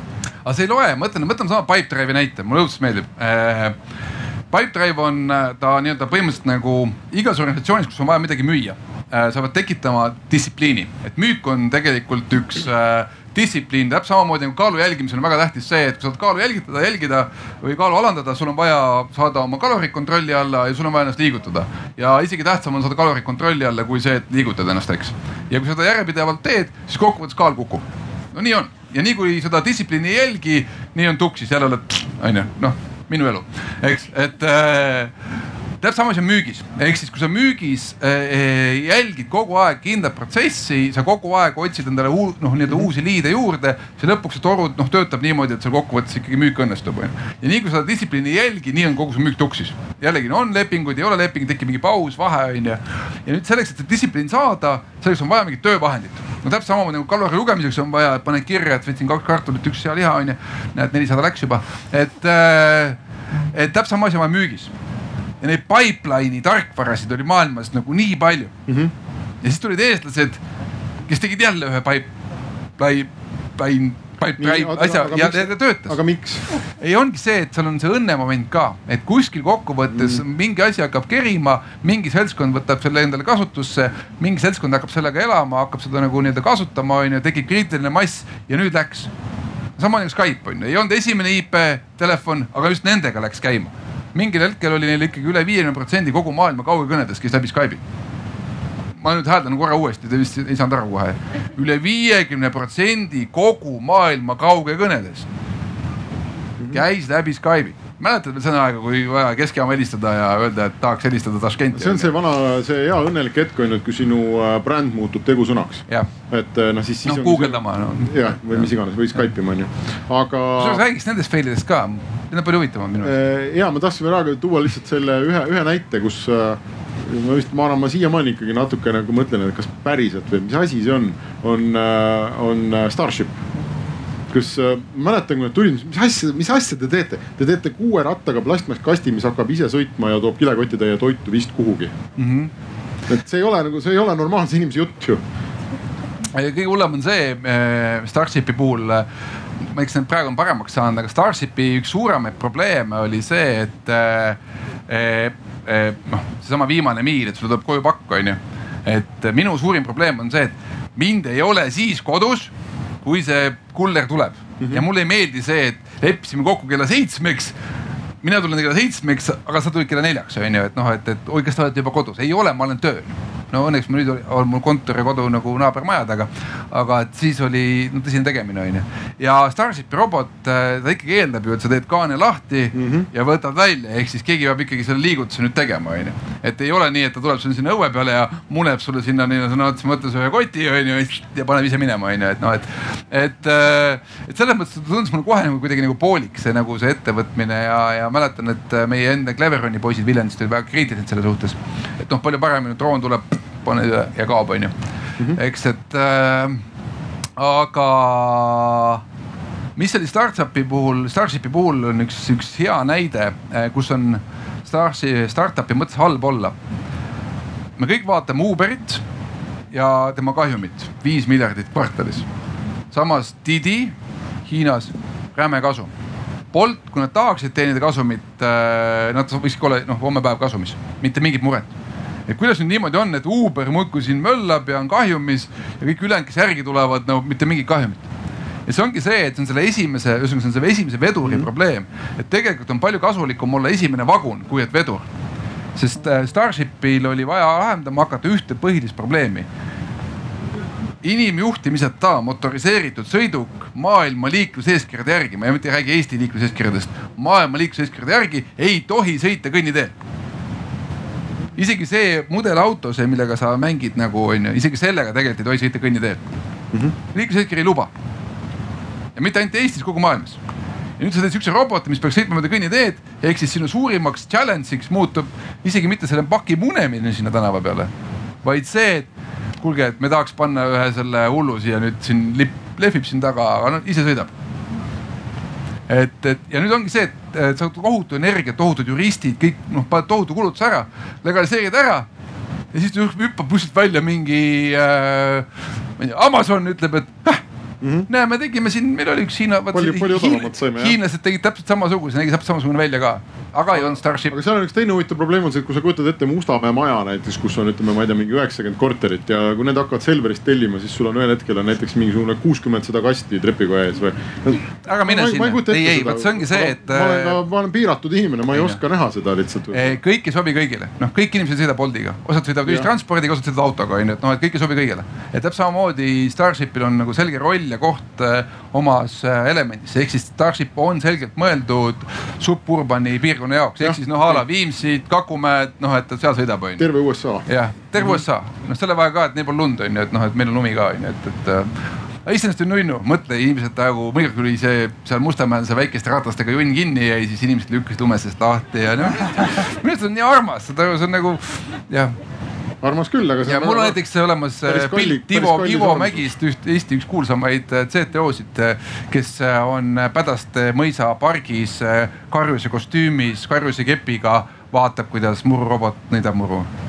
et mul oli kui me nüüd juba aega veedame siin selle, Rootsi, Rootsi sõpradel on üheksakümne aastane naabrivanamees ja, ja siis äh, väga vitaalne vanamees käib, saeb, lõhub puid, igast asju teeb, onju. Äh, ja siis äh, mingil hetkel olid naabrid mures, et, et ta on vist ära surnud, et istub õues pingi peal, onju, ei liiguta juba tükk aega ei liiguta ja noh, et tõenäoliselt nüüd oleks vaja siis auto järgi kutsuda. ja siis kui mindi vaatama, siis selgus, et ei, et vanamees oli kas saanud poja käest kingiks või ostnud endale robotmuruniiduki. ja ta lihtsalt vaatas, kuidas see tööd teeb ja ta vaatas väga pikalt seda ja temaga oli kõik väga hästi. Äh, kas on küsimusi, muidu me juba hakkame siin imelikku juttu rääkima, palun, mikrofon on sul või? Äh, meil on vaja teist, jah, said. ja mul oleks küsimus nende samade Eesti suurte startup'ide kohta, et mis saaks nendest tulevikus selles mõttes, et üks võimalus on see exit tõepoolest. Aga kui kui seda ei tule ja kui jääbki niimoodi vaikselt tiksuma, et kas, kas on võimalik, et TransferWise, kui praegu on palju, paljud on kolm pool, neli miljardit, et kas viie aasta pärast on siis kolmkümmend või, või, või kuidas, kuidas see Eesti kontekstis see startup'ide see elutsükkel välja näeks, kui, kui ei ole seda mahamüümist ja uue proovimist? siin ei ole küsimus üldse Eestis, et äh, me tuleme tagasi selle jutu juurde, kus me alguses pihta hakkasime. et kui pikk on sinu elu ja mis sa oma elu jooksul teed ja kas sa teed terve oma elu, teed nagu ühte startup'i, et teen kakskümmend aastat ühte startup'i või teen nelikümmend aastat ühte startup'i, et äh, milleks? et see on kokkuvõttes ikkagi see, et, äh, et mingi tsükkel saab läbi ja siis need inimesed, kes on seal, ütleme nagu ma ei tea, kümme aastat töötanud, on ju, et nad otsustavad, et aeg on edasi minna ja siis väga tihti võib juhtuda seda, et ettevõte jätkab, et noh, et noh, ongi siin äh, vennad villikud müüvad oma osaluse maha ja, ja, ja business läheb tegelikult edasi ilma nendeta, onju. et äh, või siis see, et nad ikkagi nagu noh viivadki selle mingi sellisele exit'ini, mis on kokkuvõttes mõnele suurele nagu Uberile näiteks maha müümine onju. Transferwise'i puhul mina arvan, et kõige tõenäolisem on äh, IPO ehk siis nad lähevad börsile. et see tundub kõige loogilisem nagu, nagu käik nende tänases positsioonis ja see ongi jälle see koht, et eh, kui sa oled nüüd sinna börsile ära läinud sul on mingi muster käimas, et eh, mingil hetkel on küsimus, et kas sa vajad enam neid inimesi või ühesõnaga, kas see meeskond, kes sul täna on, et kas sa nagu noh, nii-öelda noh, sa vajad neid inimesi enam ja, ja kokkuvõttes nagu ettevõttel on erinevad elutsüklid, üks ongi see, et, et sa ettevõttena jätkuvalt tegutsed, teenus on ikka sama, hinnad on võib-olla natuke muutunud, nii edasi on ju, turud on natuke muutunud. aga meeskond on noh, sada protsenti välja vahetanud, et enam ei tunne ühtegi neist inimestest, kes kunagi olid, on ju. no ma ei tea, me võime küsida Telia käest, et noh, et, et äh, mina olin äh, selle meeskonna juht, kes ehitas kaks tuhat kaks kuni kaks tuhat viis kogu empty äh, kliendile suunatud äh, rakendused et väga palju, ma täna lähen Telia telefoni ostma, siis vaatad soft'i, näed ikka sama kujundusega onju, aga ma ei eelda, et see kood, mis seal sees on, et, et sellestki ridagi enam alles on sellest ajast, mis me kunagi kirjutasime, onju, et. või et need inimesed, kes ja, seda täna kirjutavad. aga business on sama, onju, et no iseenesest nagu, et noh, et, et et selles mõttes ma arvan, et see on vastuse küsimusele, et noh, kokkuvõttes ikkagi neist saab midagi ja inimesed muutuvad, ehk siis väga vähe on neid näiteid, kus noh üks vana paneb elu lõpuni nagu, need näited on olemas muidugi ja teised ühiskonnad jälle, pereettevõtted näiteks Indias. mina töötan ühe jaoks nagu. hüva, nii, kas on veel küsimusi, hea meelega vastame, arutame. ei tea, kas. ei tea. no näed, siin tuleb veel võtta äh, selline küsimus, et äh, kui palju on äh, selliseid firmasid või ütleme näiteid kes on, ütleme noh, ütleme idee on väga hea, aga ta pole ajaga, ajas küps, et ta tuleb äh, oma mõtte, tehnoloogia, tootega tuleb, ta soovib välja tulla, aga fail ib ja ütleme näiteks viie või kümne aasta pärast teeb keegi täpselt sama asja, aga see töötab väga hästi. Äh, mulle meeldib see, et praegu hästi palju tuleb neid teateid, kuidas mingid paarikesed lähevad lahku, onju. ja siis nad ütlevad, et aga me jääme sõpradeks, onju, või umbes, et nagu, et, et kõik on nagu okei. okay et nende startup idega minu arust on ka samamoodi, et need, kes fail ivad, need üldjuhul toovad vabanduseks seda, et me olime omast ajast ees. et, äh, et see aeg veel tuleb. ja, ja ütleme nii, et see üks, see on üks paremaid vabandusi üldse, et kui sul äri käima ei lähe, siis sa ütled, et sa olid omast ajast ees. aga samas see ei ole, äh, see on osaliselt niimoodi, aga kui ma maailmaskaalal võtan, et äh, noh kuuluma, kuulsamaid selliseid läbikukkujaid on Apple Newton oli Newton või see iPad'i eellane? ütleb keegi, oli Newton jah? ei olnud? oli, oli, no näed no. no,. meil on hea publik. enne, enne no, Newtonit. oligi selgelt oma ajast ees, noh midagi ja. ei ole teha, oligi ees. ja, ja, ja samas oli huvitav vaadata, kuidas äh, äh, kui Pixarit hakati tegema, seda hakati tegema ammu-ammu enne kui tüüpidel oli üldse tehnoloogia olemas, ehk nad teadsid, et see jõuab millalgi sinnani on ju, et arvutusvõimsused, kõik need hinnad lähevad selliseks. aga, aga see pull raha hakati sisse panema aastaid-aastaid enne ja ehitati seda siis nagu selleks hetkeks, kui nad uskusid, et see tehnoloogia on kohal ehk et, et kogu noh, tehnoloogiafirmat hakati tegema ammu enne, kui tehnoloogia üldse valmis oli. ja see oleks võinud vabalt tegelikult lõppeda sellega, et, et ma ei tea, et mingi tehnoloogia, mis nad arvasid, et jõuab, ma ei tea, üheksakümnendal aastal, oleks jõudnud üheksakümne neljandal aastal, oleks neli aastat auku olnud.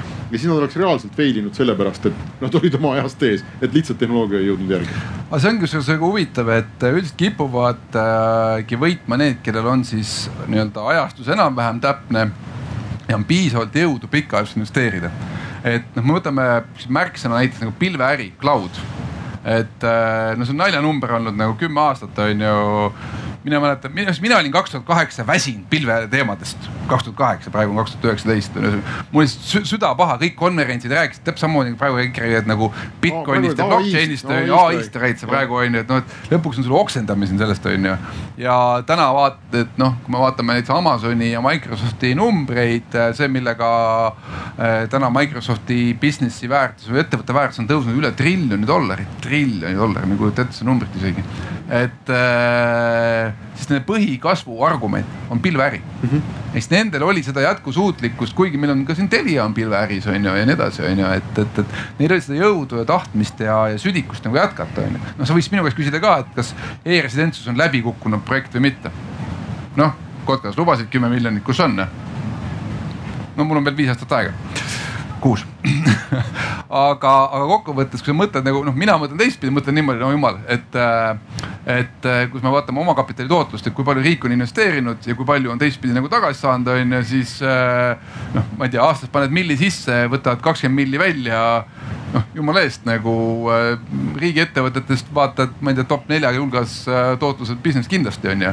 vaatad omakapitali tootlused veel, siis vaatad, et vapsi parim business üldse, mis riik teinud on, et nii vähe paned raha sisse, tuleb välja aga seal võib ikkagi aga, tekkida seesama olukord on ju, et mitte, et võib-olla et tehnoloogia ei ole valmis, vaid et turg ei ole valmis. seesama, mis sa Starshipi puhul tõid, et sa oled see esimene, kes lükkab seda lahti ja, ja. mingil hetkel seal käid veel konverentsidel, räägid kõik oma õppetunnid ilusti ära ja, ja siis tulevad mingid järgmised, teevad neli korda odavamalt. ja ongi ja tõenäoliselt niimoodi lähebki mm., aga, aga nüüd ongi sama küsimus, et no, saame küll esikülje praegu. ei, ei, ega ma mõtlengi, et nagu ma olen seda korduvalt öelnud, et e-residentsus on äh, teema, millega keegi saab kunagi väga suureks, aga see ei ole tõenäoliselt Eesti.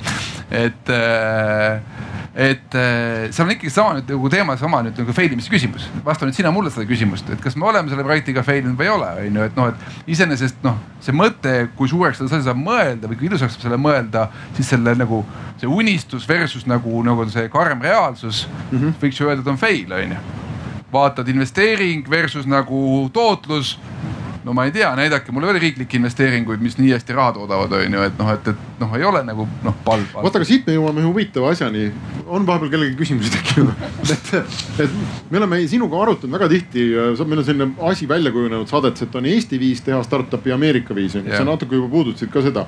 et, et Eesti viis ongi see, et noh, et käid, koputad, ma ei tea, noh, ega mul siin väike mõte nagu oleks, aga et noh, võib-olla vaatame, mis sellest asjast saab, et noh, hakkame pihta, on ju. ja Ameerika viis on see, et sa lähed jubeda kisaga peale ütled, et me tahame kümme miljonit ja nagu kohe ja homme ja kõik muutub. et, et ma usun ka, et, et lisaks äh, investeerimisele, et seesama töötab ka turunduses ehk et kui sa sead endale need suured eesmärgid ja sa räägid ennast suureks, siis tõenäosus, et sa saad suureks, on oluliselt suurem, on ju. sest noh, see on nagu nagu need mingid eneseabi asjad on, et mõtle, et sa saad rikkaks ja siis saadki. aga mõt... kui sa ei mõtle seda, sa ei saa ka ju. see on muidugi üks soovitus, kes iganes te lähete kuhugi raha tõstma ja tõstate välisinvestorite käest, siis ärge olge eestlased kui sa teed näiteks, ma ei tea, kui sul on kuukäive on seal, kuukäivet ei saa valetada, seda ei saa, aga ütleme nii, et kui sul on nagu eesmärk, et sa näed, et oh, et ma võiks võtta näiteks mingi, on nagu minu turg on viissada miljonit, siis mine ja ütle, et su turg on neli miljardit mm. -hmm kuigi eestlasena sa ütled, et noh, nagu ei tohiks nagu valetada, natuke nagu peaks nagu noh, ütle, müü ennast suuremaks, miks, sellepärast et kõik, mis sa räägid, niikuinii jagatakse kahega. ja kui sa nüüd rääkisid ausat juttu ja see aus jutt jagatakse kahega, oled ise loll onju. et nagu, noh, pane ainult pool juurde onju, et, et, et see on niisugune väike sõbralik soovitus, et. palju need sinu hindud arvavad, mitu inimest Eestis elab olgu, kas, kas on veel küsimusi, kas on veel küsimusi, meil on natuke aega. Eesti on muide täpselt tuhat korda väiksem kui India inimeste arvult. olgu, hea meelega kaasaks, kaasaks veel publikut ja küsimusi keegi ei julge küsida. keegi ei julge küsida jah. aga ma ütlen, et äh, kui me räägime startup idest ja, oli veel küsimus? jaa, palun mikrofoni. ma vaatan siin kõrval on Tartu Ülikooli äh, telk, et äh, mul tekib sihuke küsimus, et mis hetkel te arvate, et ülikoolis hakatakse õpetama startup indust ja kui kasulik see on ja mis hetkel nagu ma ei tea, meil siuksed ülikooli ettevõtted hakkavad startup'i maailma sisse lööma?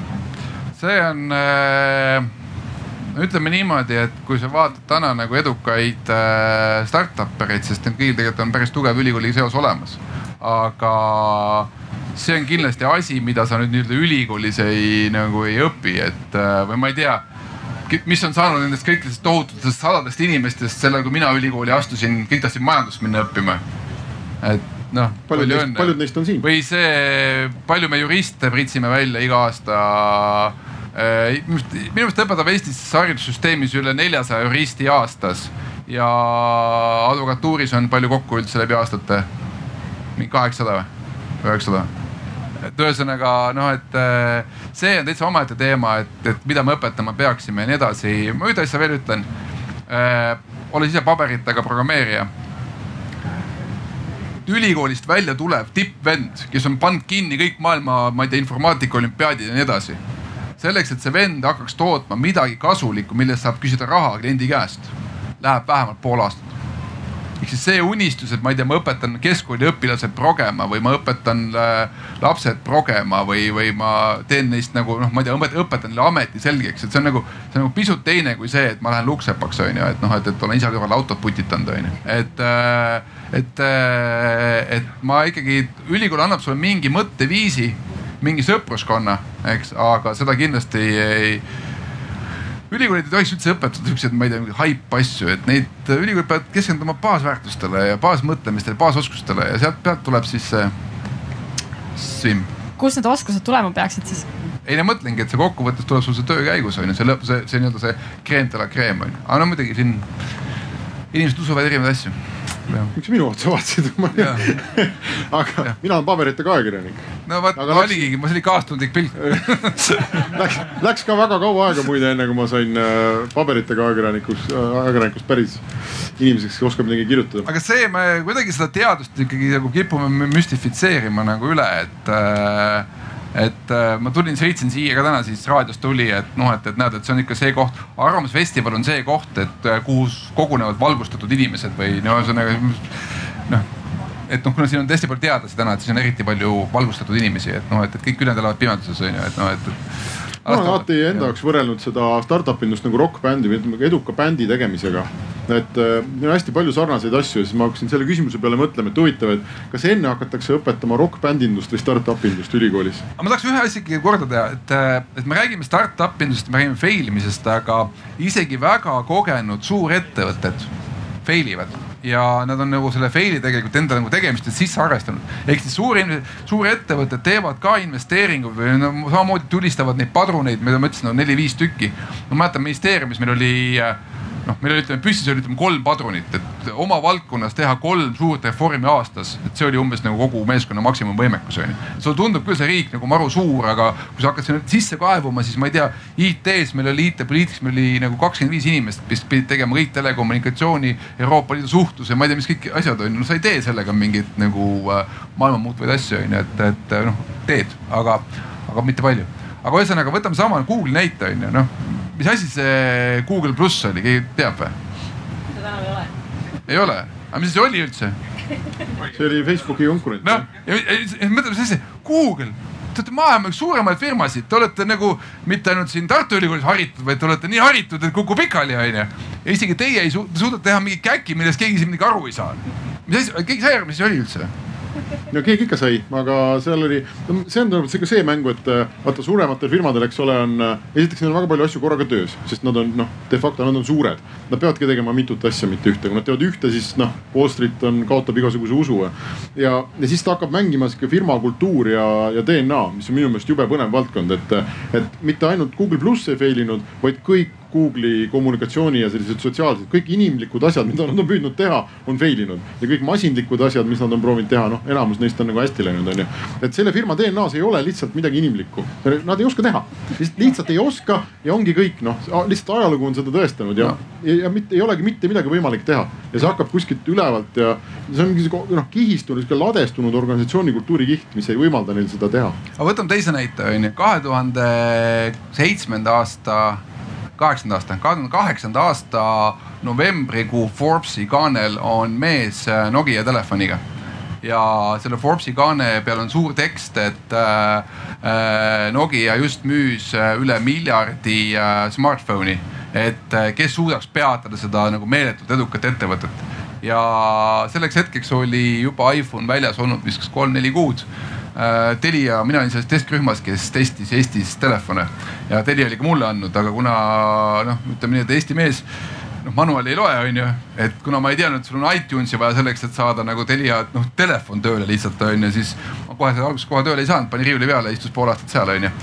aga et Nokia sugune ettevõte ei suutnud ette näha, et kui nad, nad kontrollisid kuutekümmet protsenti turust ja nad surid absoluutsesse nulli viie aastaga mm. -hmm kuidas see võimalik on, kas te olete nagu pimedad või?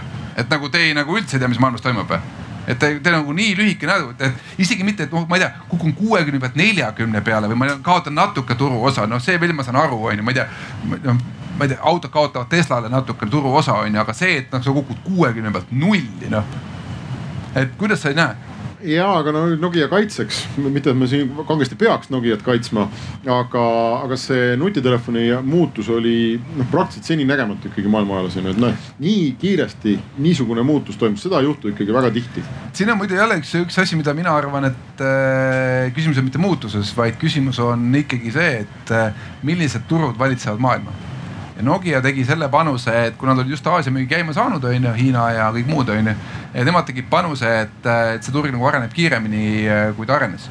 ja kui te mäletate, siis esimestel touchscreen idel oli see probleem, et ta küll vajutamiseks sobiks näiteks kui hiinlane tahab saata sõnumit ja peab joonistama neid hieroglüüfe onju, siis need esimesed touchscreen'id ei olnud piisavalt head, et neid näpuga joonistada. mistõttu Nokia pani kõrvale, ütles, et noh, et ma ei saa seda telefoni pärast Hiinas müüa, et, et noh, keegi ei osta sellepärast, et seda hieroglüüfi ei saa joonistada onju saamata aru, et, et Apple nagu unustas ära oma Hiina on ju, USA turg on ju, et ma vaatan ainult USA turgu on ju. no ma arvan, et seal teine asi oli äh, puhas kultuuriline kontekst, et kuidas ikkagi noh kultuurilise konteksti mittetajumine võib võtta ettevõtte nii kiiresti maha. ehk et Nokia probleem oli see, et nad ei olnud USA turul nad olid USA-s praktiliselt mitte keegi, onju.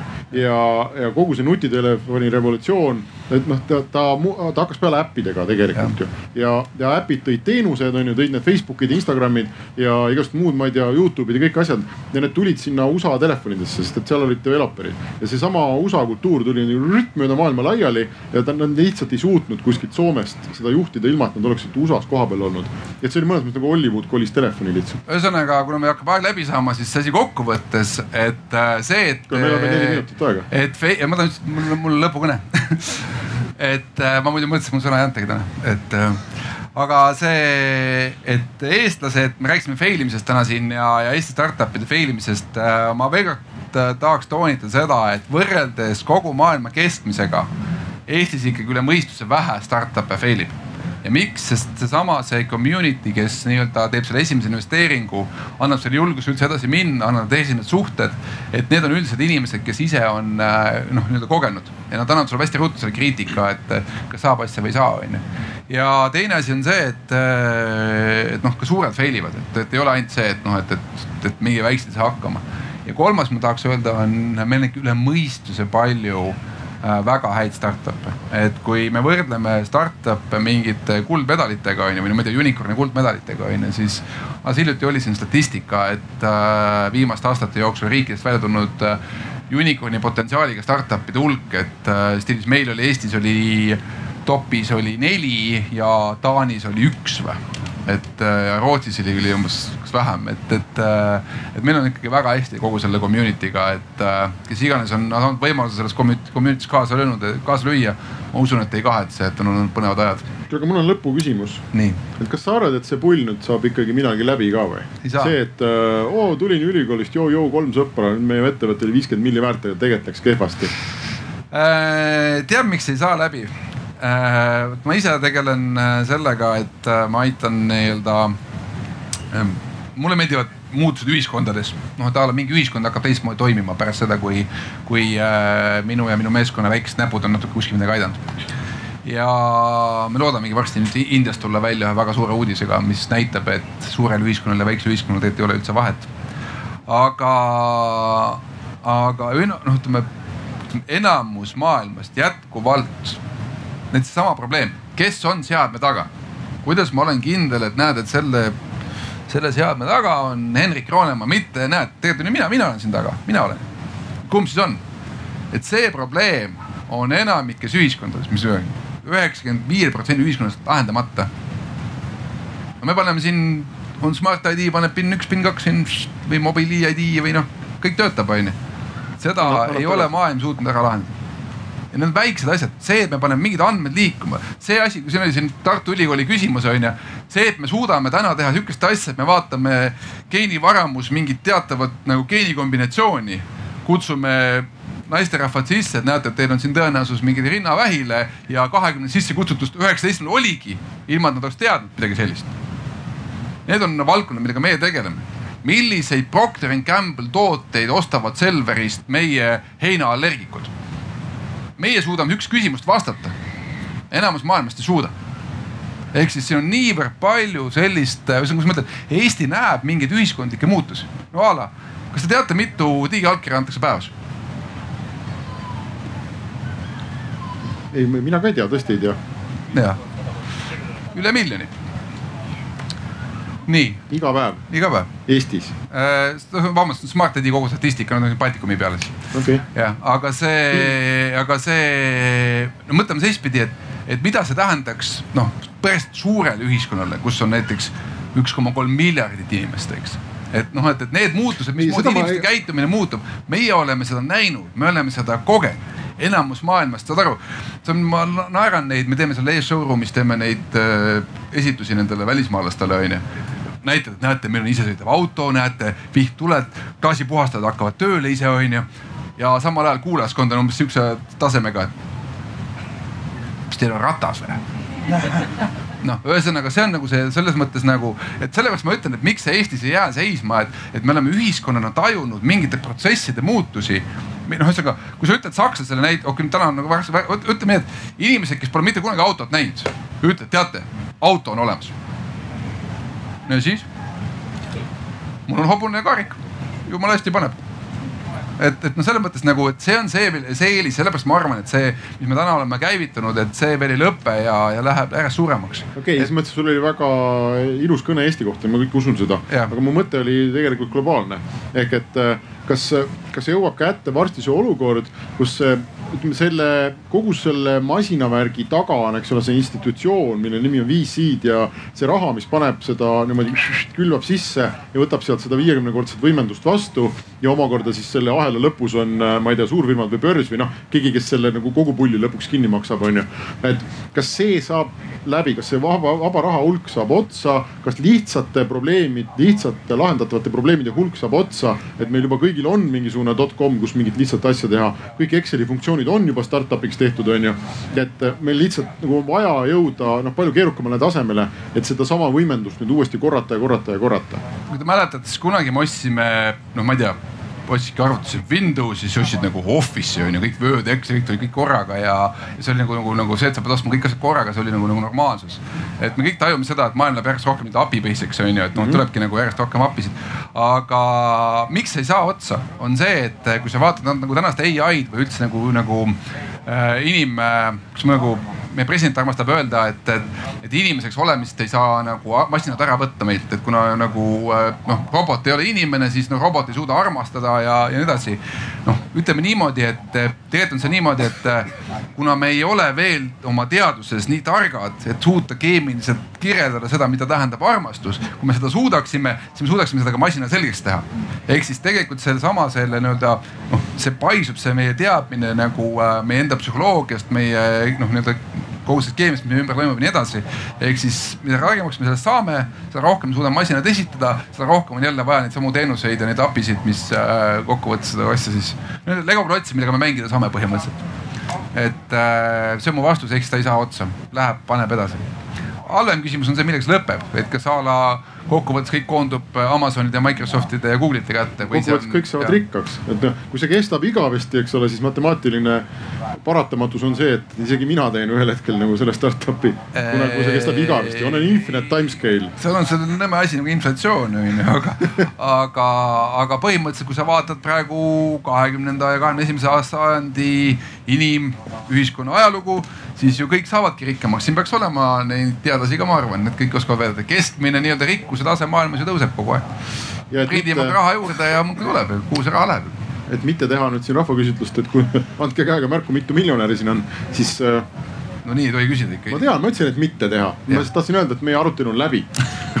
Kell on, kell on pool kuus läbi, aitäh kõigile, kes kuulasid, aitäh sulle, Taavi